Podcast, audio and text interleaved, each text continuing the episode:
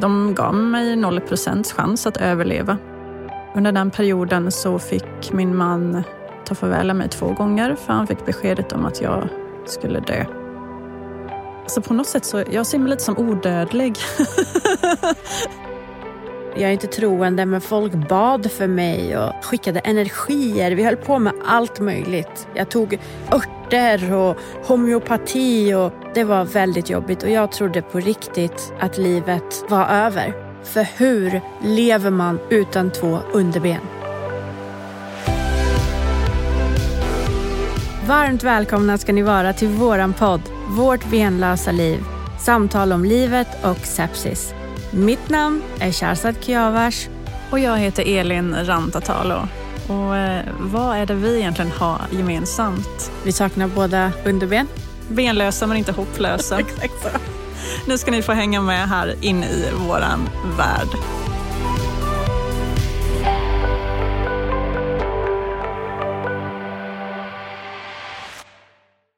Nu sitter vi äntligen här.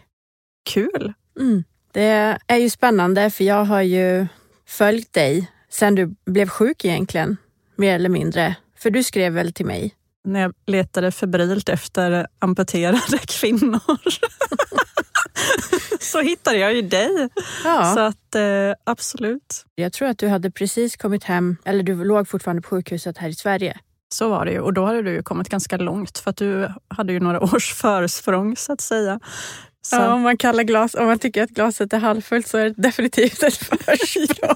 ja, det, det, är ju så man får se det. Eller jag vet att jag letade ju efter personer som kunde inge mig hopp där jag låg i den situationen för att liksom få någon bekräftelse på att eh, det här ska ju gå vägen och glaset ska ju vara halvfullt. Mm. Så att då blev det ju liksom ett naturligt sätt att, att finna hoppet. Och jag är väldigt glad att jag kunde inge någon form av hopp.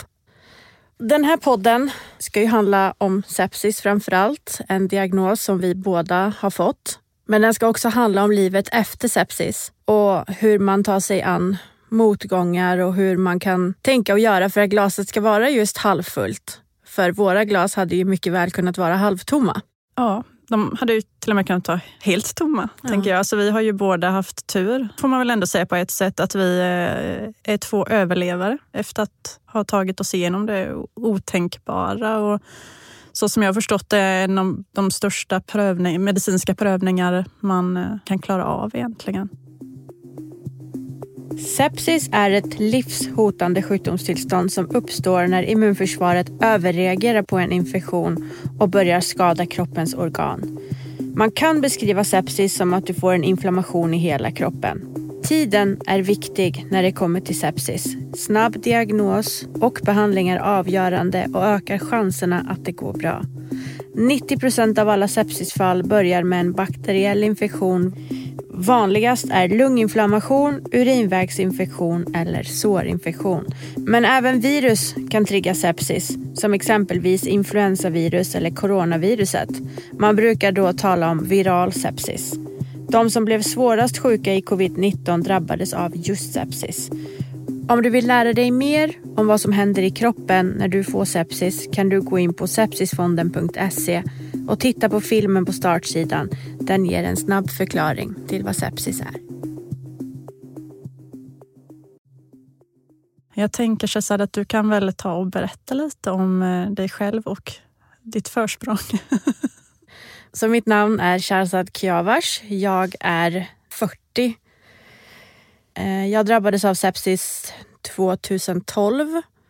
Ursprungligen är jag från Iran. Jag flyttade till Sverige när jag var fem år gammal Eh, och flyttade väl ganska direkt till Borås där jag bodde tills det att jag tog studenten. Sen flyttade jag till Stockholm där jag läste på KTH. Jag hade väl fått mitt första riktiga jobb när jag verkligen från ingenstans, från en timme till en annan drabbades då av sepsis, närmare bestämt meningokocksepsis. Det var en helt vanlig dag. Jag hade varit på jobbet och efteråt gick jag och tränade och träningen gick bra men det var så underligt för att på vägen till omklädningsrummet så började jag få en jättekonstig smärta i magen som att jag hade en stor mask som kröp runt i mina tarmar som inte kunde vara still. Och när jag sa det till min kompis Atti som var med mig så sa hon, men du kanske har ätit någonting dåligt eller ska du få din mens? Men det som var annorlunda var att det kändes inte som någon av de smärtorna. Det var en helt ny form av både känsla och smärta. Sen när jag kom hem så började jag kallsvettas och så kom de här symptomen en efter en. Att jag hade ont i kroppen, väldigt ont i min nacke. Jag hade ingen aptit, jag var så här irriterad, som att jag inte fick plats i min egen kropp. Och det var verkligen det att jag trodde att jag höll på att få influensa, för det kändes verkligen som influensasymptom. Men sen då någon timme senare, vi pratar inom loppet av kanske två timmar, så började jag få bröstsmärtor och hjärtklappning. Och jag ringde 112 de kom och sa till mig att jag har väldigt hög puls och jag har toppandning, men jag har egentligen inga andra symptom. Jag, alla andra vitalparametrar stämmer, så att säga. Så de sa till mig att jag har fått en panikångestattack. Och det kände jag mig inte helt okej okay med för att det fanns för det första ingen anledning till varför jag skulle få en panikångestattack. Jag hade inte haft några psykiska bekymmer. Och jag... Det kändes annorlunda. Det kändes som att det är någonting i min kropp som inte stämmer. Allting går så fort och det enda jag ville göra var att stänga av. Och de sa till mig att jag behöver försöka andas ner i magen. Jag behöver som en ballong som jag blåser upp i magen och andas ut genom näsan. Och till slut sa jag att ni måste ta med mig. Jag vill inte bli lämnad ensam för det är någonting som är fel. Det känns som att jag håller på att dö. Exakt de orden sa jag. Det känns som att jag håller på att dö. Och då sa de till mig att jag kan få följa med till psykakuten. Och det är inget fel på det, men det var inte där jag hörde hemma. Och några timmar senare så svimmade jag i mitt kök och som tur är hade jag ringt dit min bror och hans vän Daniel. Och när de vaknade av det här dunset så såg de att jag var blå i ansiktet och okontaktbar. Så självklart ringde vi ambulansen igen. Eller de ringde ambulansen igen. Nu hade det helt plötsligt förändrat. Jag hade hög feber, jag hade hög puls, jag hade eh, lågt blodtryck, väldigt snabb andning och jag hade prickar på kroppen, så kallade putekier. Och då fick vi åka i maxfart till Södersjukhuset i Stockholm. Och väl på plats så intuberade de mig och sövde ner mig direkt för att mina lungor håller på att kollapsa. Och jag hade väldigt tur den morgonen att det var rätt läkare som jobbade som diagnostiserade mig korrekt eh, med meningokocksepsis och jag låg nersövd i 13 dagar och jag var svårt sjuk och verkligen svävade mellan liv och död. Och man trodde inte att jag skulle överleva natten, fick minimala chanser för överlevnad. Men överleva gjorde jag ju på bekostnad av mina underben som då förlorade blodcirkulationen och sakta men säkert bildades det nekroser och de blev väl svarta mer eller mindre och det fanns ingen blodcirkulation kvar. Och i det sista skedet gjorde vi en skiktröntgen på mig där jag fick lägga mig då i en röntgenmaskin och då såg man, lyste hela mitt skelett upp förutom just då mina två underben. Och det visade sig då att det fanns ingen blodcirkulation kvar i dem och kroppen hade stött bort dem. Så då två månader efter att jag insjuknade fick man amputera båda mina ben från början fick man amputera vänsterbenet i underbensnivå och högerbenet behöll man faktiskt mer av eh, nästan att ovanför ankeln kan man säga. Därefter, för att göra en väldigt lång historia kort, eh, en historia som jag hoppas kunna berätta i sin helhet lite längre fram i podden, så bestämde jag mig för att satsa på triathlon. Och det var ju oväntat, minst sagt. Med tanke på mitt totala ointresse för idrott och att jag aldrig har, egentligen har utövat någon idrott. Så 2015, det vill säga tre år efter mitt insjuknande, stod jag på startlinjen för Stockholm Triathlon där jag genomförde en olympisk distans. Prestationen i sig är ju helt fantastisk. I oktober förra året så kunde hon inte simma, hon kunde inte cykla och hon har egentligen aldrig sprungit ens med underben. Triathlon är svårt som det är, utan underben är ännu svårare och det kändes som att jag vann över allt som har hänt mig. Det har varit min revansch. Och året därpå deltog jag i Paralympics i Rio där representerade Sverige, då i paratriathlon och sjunde bäst i världen.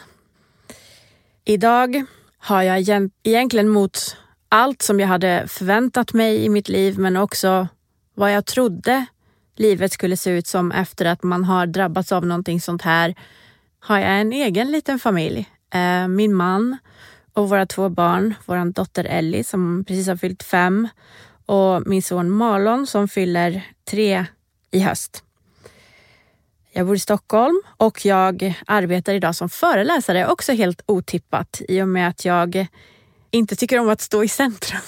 Så. Är det sant? Mm. Alltså, det är precis samma sak för mig. Mm. Så otippat. Ja, men det kändes som att jag hade en historia värd att berätta och en historia som bör lyssnas på. Och mitt föreläsande har jag använt som någon slags sorgebearbetning. Att jag har berättat min historia så många gånger att den på något sätt har blivit accepterad av mig och att jag har lärt mig att se det roliga i den. Det roliga, vad, vad tycker du är det roliga med din eh, berättelse Shazad? Ja, det finns väl egentligen är det väl inte roligt, men det handlar väl om hur man väljer att se sin misär. För att jag tycker att det är ofrånkomligt att det här som drabbade mig och dig och alla andra som drabbas av någonting liknande, det är orättvist och det är fel och det ska inte vara på det här sättet. Men samtidigt så kan jag tycka att det enda sättet att kunna tackla det här är att se det roliga i det. Att vad tokigt det är att min knasigaste incident är ju fortfarande, mina proteser sitter ju fast med en pinne. Jag har ett pinnlås. Mm. Och när jag eh, blev gravid så gick jag ju förstås upp i vikt och så blir man ju svullen då.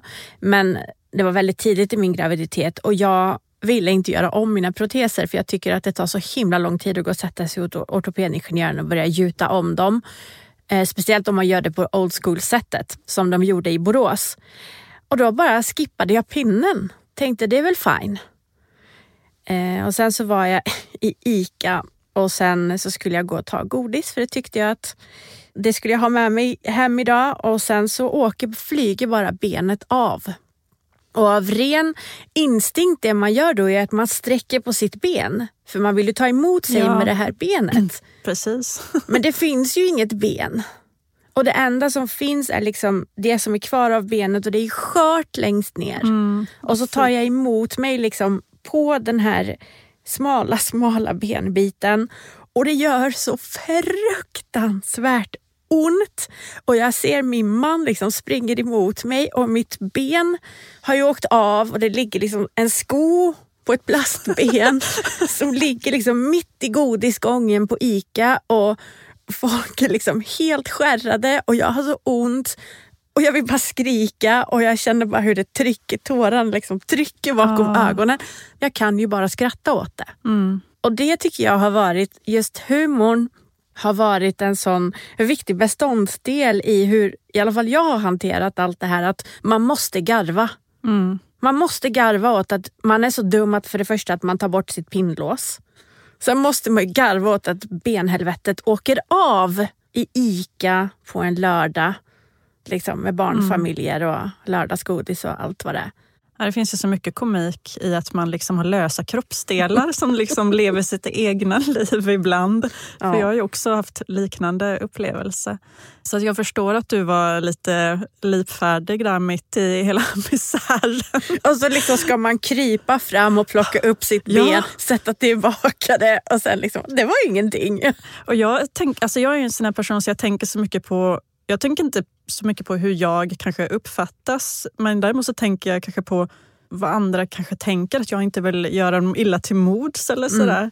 För att nu eh, när jag var på väg hit och hade suttit på ett jättevarmt tåg så var jag så himla svettig om benen.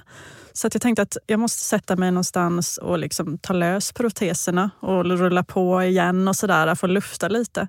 Men sen inser jag att det här är Stockholm och det är folk i parker överallt. Ja. Det är det inte hemma i Vetlanda. Där är det ju liksom A-lagarna som sitter i något hörn och trycker. Men till slut så kände jag att jag måste bara sätta mig här. Så jag satte mig eh, här i Vasastan och drog av mig benen och luftade stumparna. Gjorde du det? Ja. och det enda jag kunde tänka på det var hoppas ingen ingen går förbi och svimmar och gör sig illa. Eller att det blir, jag mm. tänkte att skitsamma att jag skäms inte men andra folk kanske liksom tar illa vid sig. Mm. Jag var lite sån när jag ammade också. Att, eh, jag tänker att jag, jag jämför det här med amning nu, att ta lös benen och flasha tuttarna när barnen behöver mat. Men jag vet inte, jag tycker att livet är mycket lättare ifall man kan liksom känna sig fri i det. Men eh, ja, jag undrar, folk ikväll när de går och lägger sig och såg mig kommer nog tänka på mig. jag är rätt övertygad. Du har gjort ett intryck Jag har gjort här ett i intryck Vasastan. här i Vasastan. Ja. Det, var, det var mig ni såg.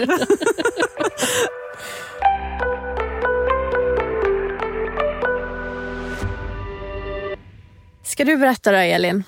Ja, ja men jag heter Elin Rantatalo. Jag eh, har eh, fyllt 35 år, bor i Vetlanda i Småland.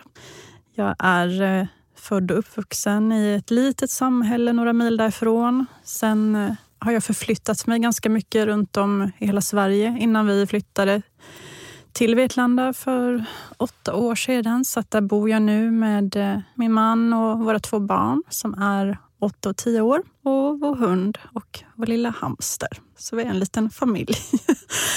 Jag drabbades av sepsis 2019 under vår eh, solsemester som vi skulle ha på Gran Canaria. Och det finns ju likheter i, i det du precis har berättat, Shazad. Eh, men för min del så gick det på ett sätt långsammare allting. Det utvecklades under flera dagar egentligen. Eh, för vi kom eh, ner till Gran Canaria en torsdag och då började jag känna att jag hade värk i min axel, min högra axel och tänkte att jag hade fått någon muskelinflammation av något slag. Det var som lite en pirrig känsla som värkte. Men sedan började jag också bli väldigt trött och började väl tänka att eh, jag har blivit sjuk eller att jag håller på att bli sjuk. Så att jag försökte liksom vila och motarbeta det här och vara positiv för vi var ju ändå på semester och det har ju alla längtat efter. Så jag tog en massa Alvedon och allt som vi hade med oss och försökte vila så gott det gick. Men eh, det gick inte över. Mm. Och eh, ett par dagar senare så hade jag en feber som inte ville ge med sig. Jag började hallucinera. Så på hotellrummet eh, vaknade både min man och barnen mitt i natten av att jag var och vandrade runt och hade gått ut på balkongen. Eh, Och där stod jag och frågade vad alla människor gjorde där. Eh, Och min man hade sagt, men det är inga här. Det är tomt. Gå in nu. Minns du det här? Jag minns när Ola berättat det här, återberättat, då minns jag liksom det lite svagt. Att, alltså jag minns känslan av att jag står där. Jag kan minnas känslan av vinden, emot, den kalla vinden på natten. Och sedan svamlade jag en massa konstiga grejer och försökte ta mig ut genom hotellrummets dörr. Så eh, Ola började ta våra resväskor och ställa i vägen för bägge dörrarna så jag inte skulle ta mig någonstans. Eh, när vi eh, sedan vaknade upp dagen efter, då hade jag en stark känsla i kroppen av att jag kände mig otrygg. Att jag eh, kan inte kontrollera det här själv längre. Att jag måste verkligen ha hjälp. Så att eh, vi tillkallade personalen på hotellet och de såg till att det kom en läkare. Och hur många dagar har det gått nu från det att du fick Eh, ditt första se. symptom? Ja, det här var fjärde dagen. Oj. Så för mig gick det väldigt långsamt till en början. Och eh, känslan var ju som att jag hade åkt på en ordentlig influensa men det som skrämde mig var ju att paracetamolen inte hjälpte någonting. Alltså att febern gick inte ner och eh, jag hade inte kunnat äta eller dricka ordentligt och jag var bara trött och slö. Så eh, när jag till slut kände att den här verken också började liksom ta över hela mitt huvud. Så att jag, inte kunde, jag kunde inte tänka klart för jag hade sån verk i min axel. Så därför tillkallade vi läkarna som kom upp på rummet. Och de sa till mig att eh, ja, men du får följa med till vårdcentralen på en gång, att vi har bilen här utanför. Och min första känsla var liksom att hur kan ni begära att jag ska ta mig dit? Att jag kommer inte klara, jag, vet inte, jag, jag visste inte hur jag skulle ta mig upp ur sängen. Men jag vågade inte säga något för att jag ville inte vara till besvär. Så att eh, jag eh, följde med och eh, kämpade så himla mycket för att ta mig till den där bilen. Kom sedan in på vårdcentralen där de tog massa prover och gav mig dropp och sa att jag hade fått bältros troligtvis. Men sen skulle de invänta lite flera av provsvaren innan jag fick åka hem. Och då hade jag även fått antibiotika utskrivet som jag skulle ta. Så att jag hade liksom fått nytt hopp att bara jag får en antibiotika okay. nu så kommer allting bli bra och vi kan fortsätta bada. Och var är din man och dina barn i det här skedet? De är kvar på hotellet för jag sa att men ni kan stanna. Det, mm. Jag kommer snart tillbaka. Just det. Sa jag såklart. Och jag var hoppfull efter jag hade fått det här eh, receptet utskrivet som jag höll i handen och tänkte ge mig av. Då sa de att nu har de sista provsvaren kommit och det var skyhöga infektionsvärden, att vi har ringt en ambulans. Och då tyckte jag att de överdrev. Jag sa att men snälla jag kan ta en taxi, att det är inte så farligt. Men de ville absolut att jag skulle ta en ambulans. Jag vägrar ligga ner i ambulansen. Jag säger att jag sitter upp. Jag blev nästan, vi började nästan bråka, han, jag och han den där ambulansföraren. För att, eh, han förstod ju allvaret, men det gjorde inte jag. Men jag satt upp och kom till sjukhuset och väntade där. Och sen minns jag inget mer. Nej. Sen eh, på något sätt så var det som att när jag väl kom på plats så tror jag att kroppen lämnade över sig själv till personalen. För under resan så hade jag snabbt, snabbt blivit mycket, mycket, mycket sämre. Men, Men minns du, det som jag minns allra tydligast var att min kropp var så uppe i varv och det var som att den hade kämpat emot så länge att det enda jag ville var att sova. Mm. Det enda jag ville var att stänga av. Och mitt sista minne egentligen innan de söv ner mig var att någon la sina händer på min nacke och de var så varma och han sa Sharzad, vi kommer intubera dig och söva dig för dina lungor håller på att kollapsa. Mm. Och då sa jag tack för jag vill bara sova. Ja. Och det var så jag kände hela tiden, att jag vill bara stänga av den här knappen för det går så fort i min kropp att mm. jag vill liksom jag vill bara hibernate, jag vill bara, låt mig vara. Mm. Ja, men jag hade den känslan när jag kom in där på akuten att nu klarar jag inte stå emot längre. Nu måste jag släppa allting. Kontrollen? Ja. Mm.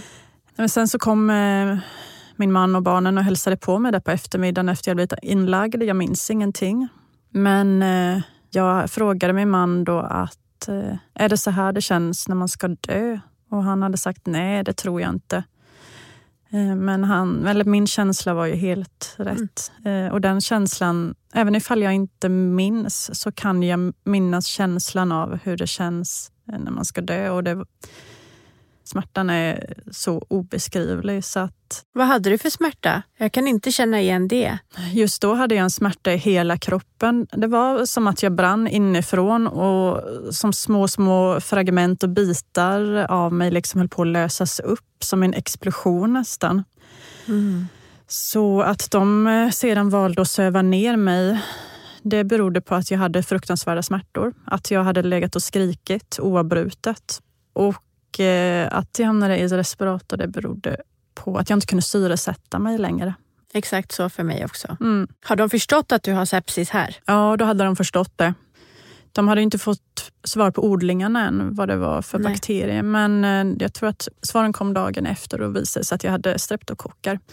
Och de hade väl trott i början att det var stafylokocker.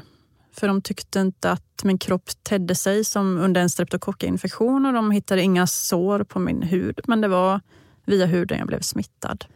Så sen låg jag i komarespirator på Gran Canaria i 18 dagar innan jag kunde flygas hem med ambulansflyget till Sverige. Och under den perioden så fick min man ta farväl av mig två gånger för han fick beskedet om att jag skulle dö. De gav mig 0 procents chans att överleva. Så att det var liksom bara en väntan för honom och min familj att det skulle ske. Men det gjorde det inte lyckligtvis. Jag... Men till följd av vad skulle du då dö? Till en början så var det att eh, jag hade fått någon propp i hjärnan och eh, de visste inte hur det skulle utveckla sig, ifall jag skulle bli hjärndöd eller vad som skulle hända. Och Sen var det med syresättningen och blodtrycket. De fick liksom inte upp blodtrycket ordentligt. Mm. Andra gången han fick besked att jag skulle dö, då hade de ju fått upp blodtrycket och allt sånt. Men då var jag så övervätskad att eh, vätskan hade letat sig in på de ställen i kroppen där den inte ska vara. Så att eh, mina lungor var överfyllda av vätska vilket gjorde att jag höll på att drunkna inombords. Så att jag hade drän väldigt länge från båda lungorna för att tömma dem på den här vätskan.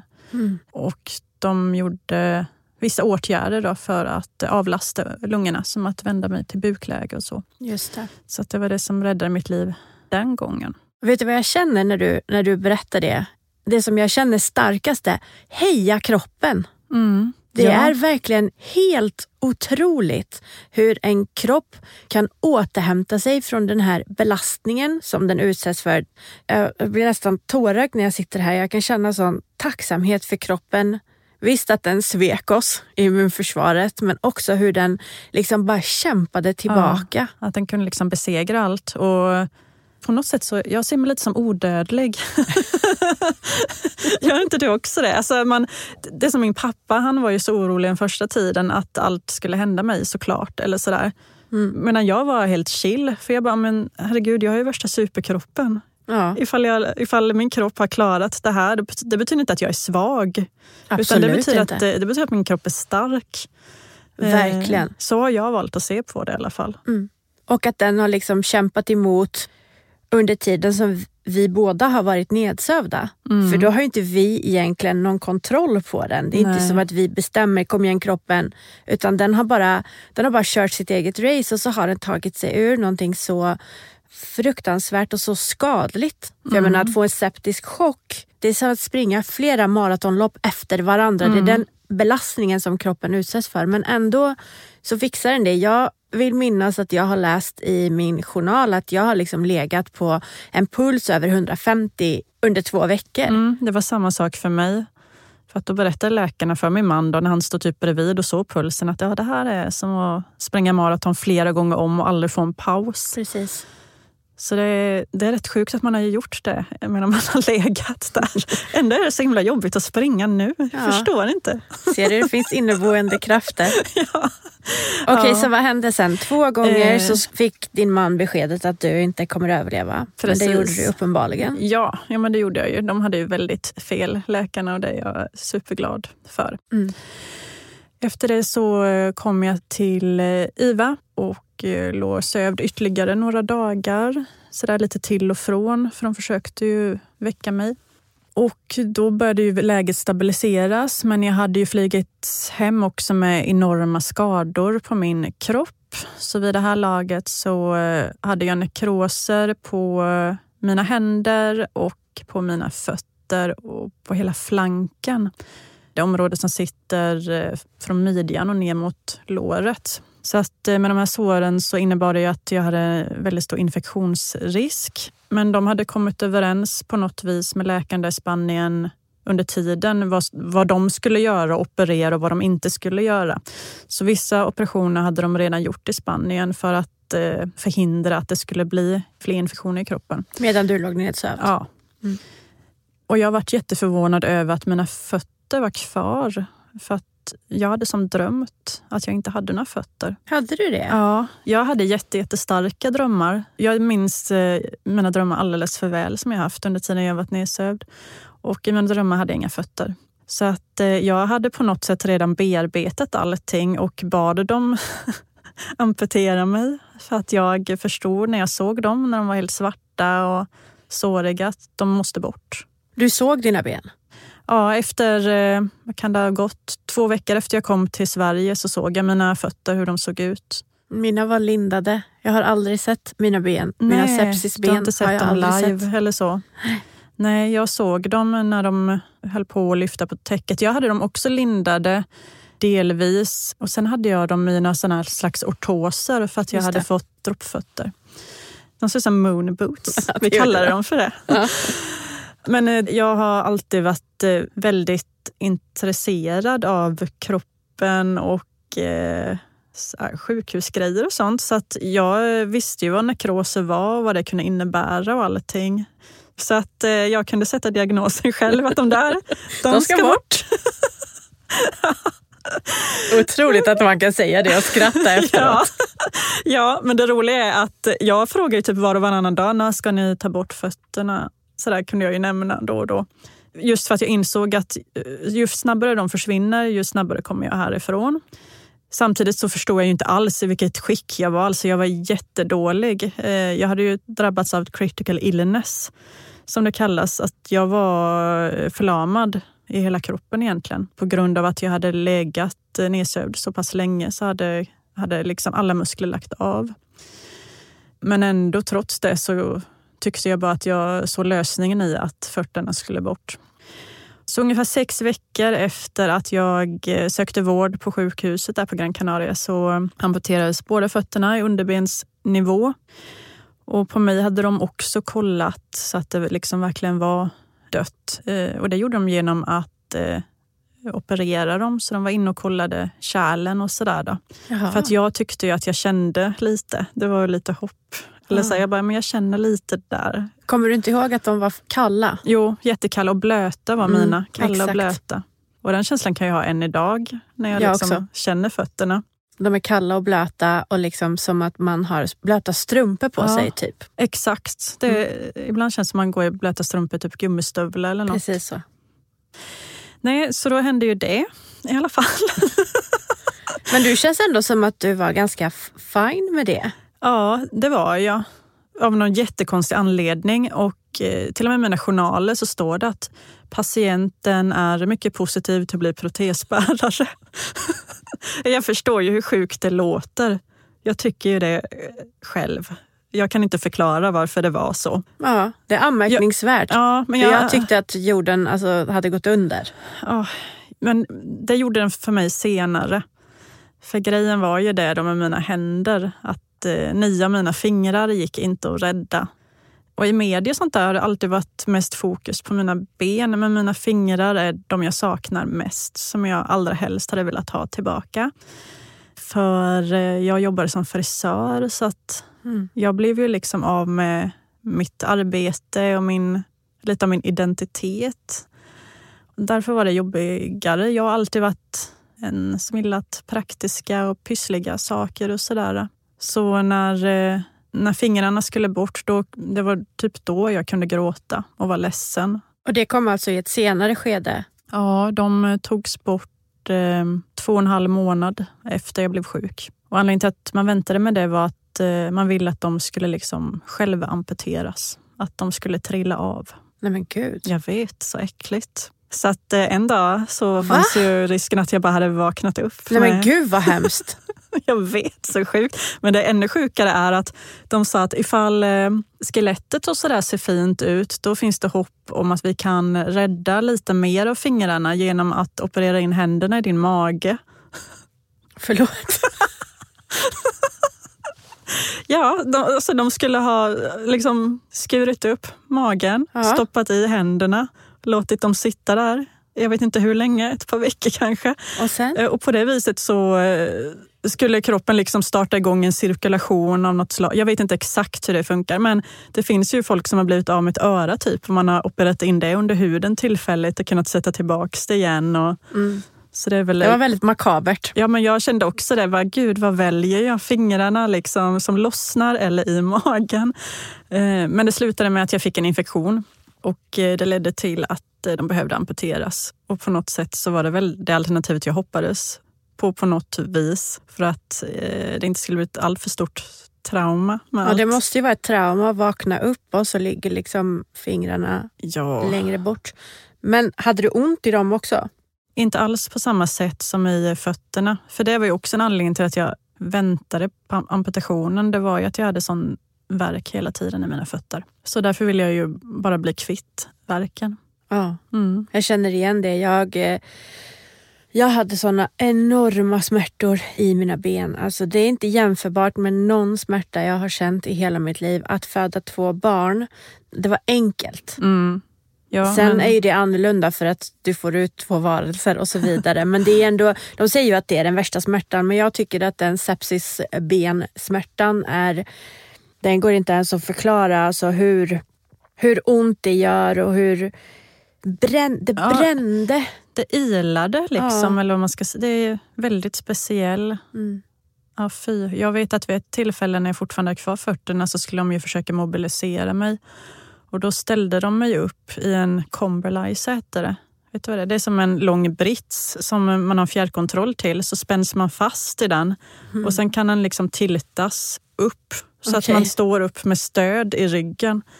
Och, alltså jag fick ju stå på mina döda fötter.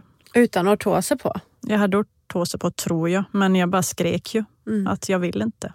Eh, Så det är mitt sista minne av när jag stod upp. Och det var inte skönt. Vet du att de tog på mig ortoser också och fick en sån här gåstol eller vad man ska kalla det som jag fick gå runt med.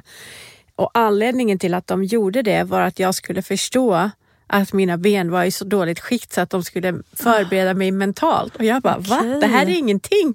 Jag gick runt jättelänge. Jag ja. bara, allt är bra. Ja. Jag bara, men varför knakar det så i benen? men fy. Och sen så ifall du har dina lindare med, då är det säkert svårt, tänker jag, att verkligen förstå att ja. det här måste bort. För man tänker att jag hade ju vita bomullshandskar på mig hela tiden på mina händer så att mina händer såg helt normala ut. Så att det var ju en förnekelse jag levde med att här under finns mina fingrar och snart kommer allting bli bra. Exakt så tänkte jag om mina ja. ben. Jag kan verkligen relatera till att det blir så. Därför är det nog ändå bra att verkligen se. Att mm. gärna liksom... Acceptera. Ja. Mm.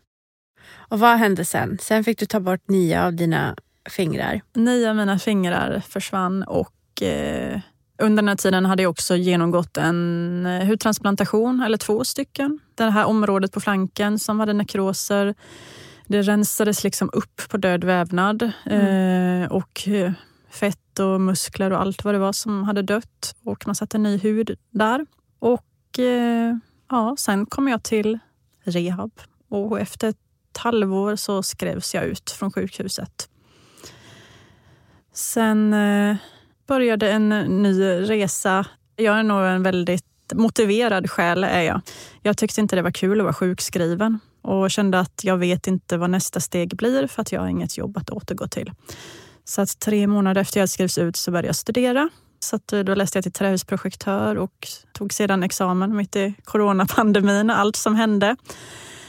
Men eh, just då så var det någonting som gnagde i mig. Att jag, jag hade drivit eget företag i, sedan 2010 eller 2011 och kunde liksom inte riktigt se mig själv heller sitta där på ett kontor måndag till fredag efter allt som har hänt. Mm. Så kände jag att nej, inte nu. Jag måste, måste, det måste finnas något annat för mig. Så sen bara egentligen av en händelse så blev jag det som kallas för influencer jag hatar det ordet så himla mycket. Digital kreatör. Ja, men exakt. Jag, det var väl så jag också valde att eh, hantera mitt trauma. Att berätta om det på sociala medier, precis som du har gjort med dina föreläsningar. Att eh, för mig har det varit en jättebra traumabehandling. Eh, jag har inte gått hos någon psykolog eller terapeut eller något sånt. Jag har provat, men det var ingenting för mig. Utan jag hittade ett eget sätt att liksom gå vidare. När jag sedan skrev min bok så kändes det på något sätt som att nu har jag återberättat allt för mig själv. Nu är alla kort lagda på bordet. liksom. Så att då har jag också kommit igång lite med att föreläsa och relatera till det du säger att eh, till slut kan man stå där och, och prata utan att bli berörd av sin egen historia. Exakt. Eller man ska säga.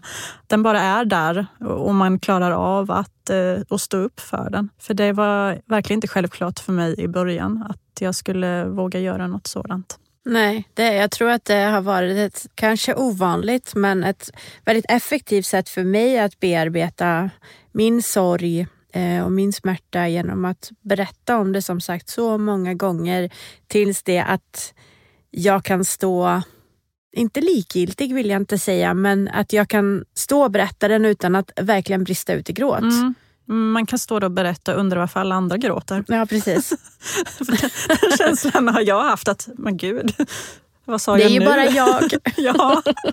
ja, men så man ursäktar sig lite bara, nej men det var inte så farligt egentligen. nej, precis så.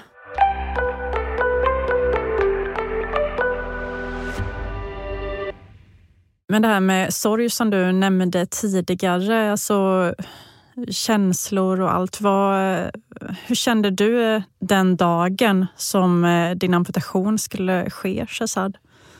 Jag kan nog kategorisera den som den värsta dagen i mitt liv.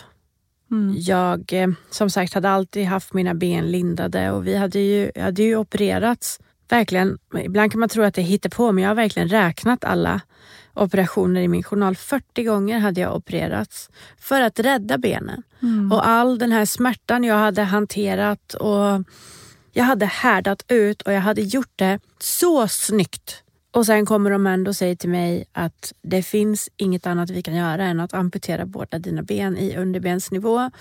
Vi vet inte hur det blir med vänsterbenet. Vi måste öppna upp och se, Mm. sa ortopeden till mig.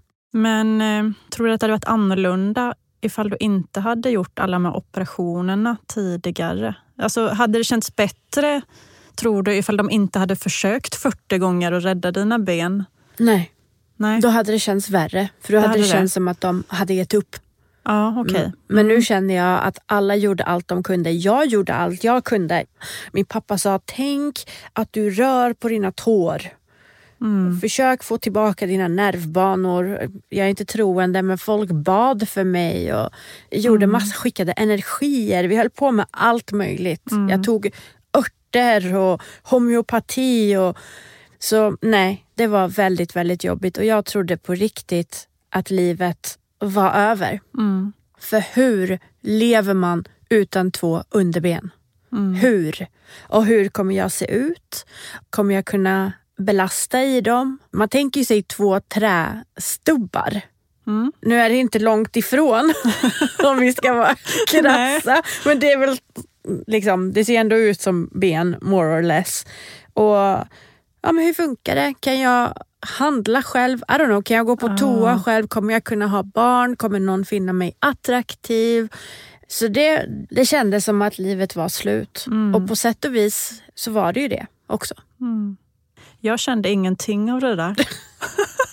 det är ju det som är så sjukt. Alltså jag borde, för att min familj bara väntade ju på att bara, hur ska Elin tackla det här? Hur ska det gå? Jag har funderat på- på det också för att jag har ju hört eh, din berättelse tidigare att det är så här du har känt på något vis.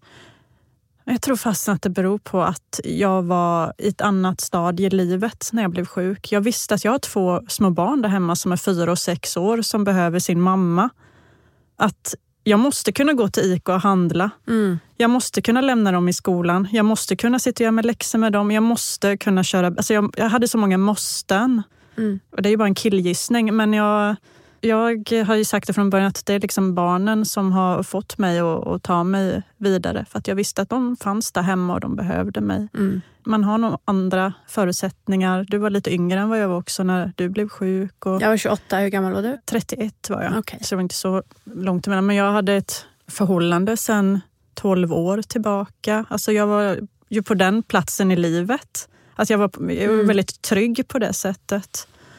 Och eh, kanske var det som gjorde att våra upplevelser kring det skiljer sig så åt. Sen med det inte sagt att, alltså att jag har förlorat mina ben och mina fingrar. Alltså det är en sån oerhörd sorg. Alltså det, är en, det är en sorg för mig. Alltså de har ju dött. De, det är delar av mig som har dött.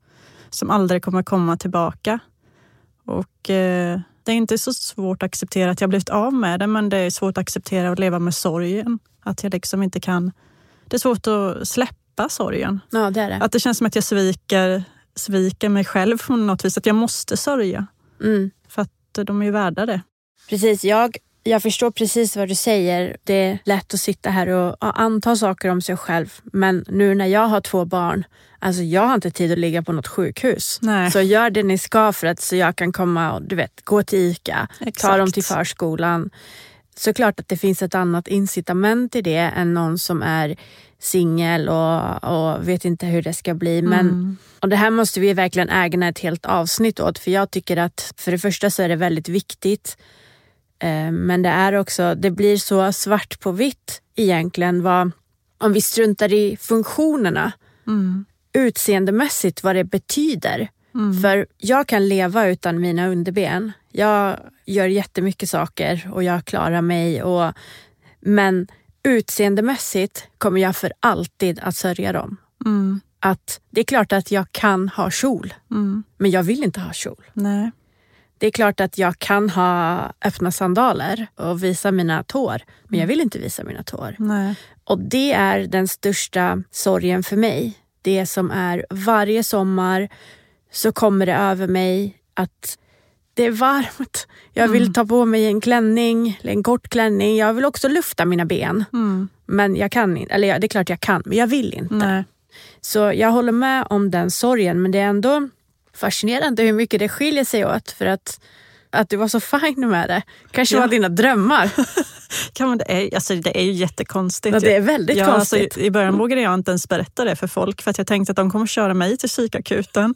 Nej, men jag kände att jag har eh, ett så otroligt härligt liv där hemma som väntar på mig. Så att jag måste bara göra det jag ska på sjukhuset, bocka av alla måsten och ta mig tillbaka så fort som möjligt. Och sen med det sagt alltså, är det ju inte så att jag kom hem och allt var frid och fröjd. Det har ju varit jättemycket som jag har behövt alltså, gå igenom. För det var ju först när man kom hem som man insåg hur förändrat livet faktiskt var på sjukhuset. Levde man i sin bubbla. Man Precis. hade hjälp med allt. Det fanns alltid någon där. Allt var tillgängligt. Man behövde liksom inte ens fundera på när man skulle äta eller vad eller något sånt där. Och sen när jag kom hem, då kunde jag ju så mycket relatera till livet före och efter sepsis. Att oj, det är ju faktiskt något helt annat nu. Trots att livet går vidare så blir det aldrig så som det var innan. Och jag har varit så, så sjukt ledsen över de här grejerna som kanske inte andra tänker på i första hand. Men jag har ju, varit så här, jag har ju kunnat sitta och fulgråta mig typ till söms fast jag inte kun, kan känna asfalten på Mm. sommaren när jag går. Ja. Eller att eh, jag inte kan borra ner fötterna. Vet ni, ifall man spelar beachvolleyboll och borra ner fötterna i den här kalla sanden. Alltså, och i det sån- blöta gräset. Ja, Mm. alltså sånt där, det kan verkligen driva mig till vansinne ifall jag börjar komma in i de tankarna som handlar just om vad man känner med sina fötter. Precis. Det- Och den lättheten som det är att man bara går. Ja, gud ja. Att man inte behöver tänka att nu ska jag ladda upp för den här eh, uppförsbacken Precis. eller så vidare. Så nu ska ni vara rädda om era fötter hörni. Ja. Ska ni ta med er, de är otroliga. Det är de verkligen. Jag, är, jag saknar mina varje dag, Ja. såklart. Mm. Men du ville ändå ta bort dem. jag ville så gärna, vet att jag, kommer ville så gärna ta bort dem. dig. Men nu vill jag tillbaka dem. Det var inte så, så spännande Det och så kul som jag bra. trodde. Nej. Nej, men, och, eh, jag tycker också att det är skittråkigt varje gång det blir sommar att jag liksom har jag har liksom fulare ben än vad vaxdockorna där i London har. Vad heter det där? Madame Tussauds. Ja, de har ju fan snyggare ben än vad vi har. Är det 100%. rätt eller? Nej. Nej. Alltså, egentligen borde man åka dit och ta med sig fyra ben Ja, dra hem. Verkligen. För egentligen, jag ser ingen anledning till att varför ska man behöva ha fula ben och fötter när allt egentligen borde vara möjligt. exakt så. Mm. Det är en fråga jag har ställt mig i 11 år nu. Ja, Mm. Och ställt varenda ortopedingenjör och alla som jobbar med protes och protestillverkning. Men det, det går trögt. Alltså det är en mansdominerad bransch. Så måste det är vara. Där det liksom, Och det är väldigt nischat. Ja, det är där det klämmer. De, eh, de förstår kanske inte de här små detaljerna som kan göra skillnad.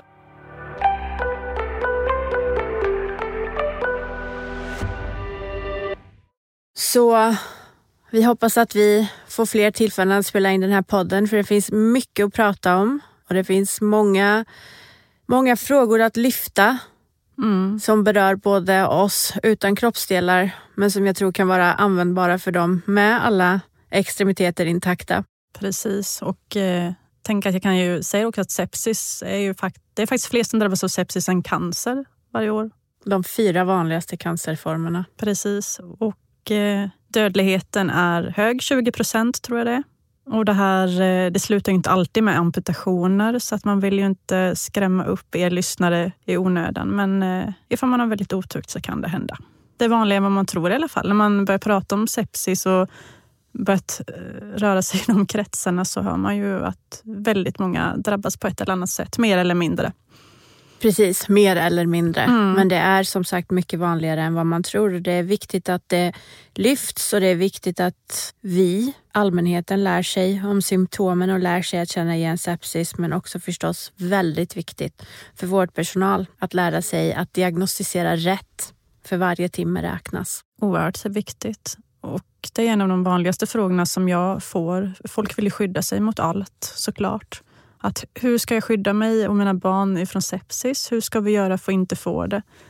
Och det var- hemska svaret för det är egentligen att det går inte att skydda sig helt. Men man kan komma långt på att lära sig symptomen och hur man ska hantera det eller hur vårdpersonalen ska hantera en eventuell sepsispatient som kommer in. Det är liksom A och O för att rädda liv. Verkligen. Jag kommer ihåg när jag var på i Bryssel och då var det någon i samband med någon, tror det var World Sepsis Day om jag inte missminner mig, som är den 13 september. Då var det någon som sa sepsis diskriminerar inte. Och det tycker jag är väldigt sant. Alla kan drabbas av det. Precis. Det spelar ingen roll ifall man är ung eller gammal. Alltså jag var ju helt frisk när jag, Ja. och du med. Ja. Det var ingenting som sa att det här skulle ske. Nej. Visste du vad sepsis var? Jag hade hört ordet blodförgiftning Mm. som sepsis oft- ofta kallas för i folkmun men jag hade ingen aning om vad det betydde. Jag hade ingen aning om symptomen och jag förstod inte när de sa till mig att jag hade drabbats av det. Det var för mig ja, det var helt okänt. Mm. Ja, jag fick fråga gång på gång, vad var det nu som det där hette som jag hade fått? För för mig var ju blodförgiftning att man skär sig med en skitig kniv på tummen. Typ Ja. som Alfred Emil gör. Och sedan händer det liksom. Men det var inte så det hände varken för dig eller mig. Nej, det kom från ingenstans. Mm. Ja, men eh, vi kanske ska ta och runda av här då, Shazad, för den här gången. Så eh, hoppas vi på att eh, många ska hitta till vår podd nu så att vi ska kunna berätta mer och eh, lära ut mer om, eh, om sepsis och massor av annat också. Precis så. Nu är vi här Elin. Nu är vi här, det är nu det händer. Det här är bara början. ha det så bra till nästa gång så hörs vi. Hej hej! Hej då! Följ oss gärna på Instagram. Där heter vi Vårt benlösa liv. Den här podden görs i samarbete med Sepsisfonden. Att få upp kännedom kring sepsis hos allmänheten har allt sedan starten 2015 varit ett viktigt mål för Sepsisfonden. Och vi hoppas att den här podden kan bidra till just bättre kunskap om sepsis hos allmänheten. Vi vet att kännedomen hos svenska folket har ökat under de år fonden varit igång. Från 21 procent år 2015 till 58 procent år 2023. Men fortfarande finns det en okunskap hos många och det vill vi i podden försöka ändra på. Förutom att jobba med kunskapsspridning samlar Sepsisfonden även in pengar till forskning runt sepsis så att vi kan få fram bättre diagnostik och nya behandlingsmetoder. Och de stödjer också forskning och projekt som kan bidra till bättre livskvalitet för oss sepsisöverlevare. Om ni vill lära er mer om sepsis eller donera en slant till fonden, gå in på sepsisfonden.se. Den här fonden gör verkligen ett fantastiskt arbete. Så vi hoppas att ni vill stödja dem.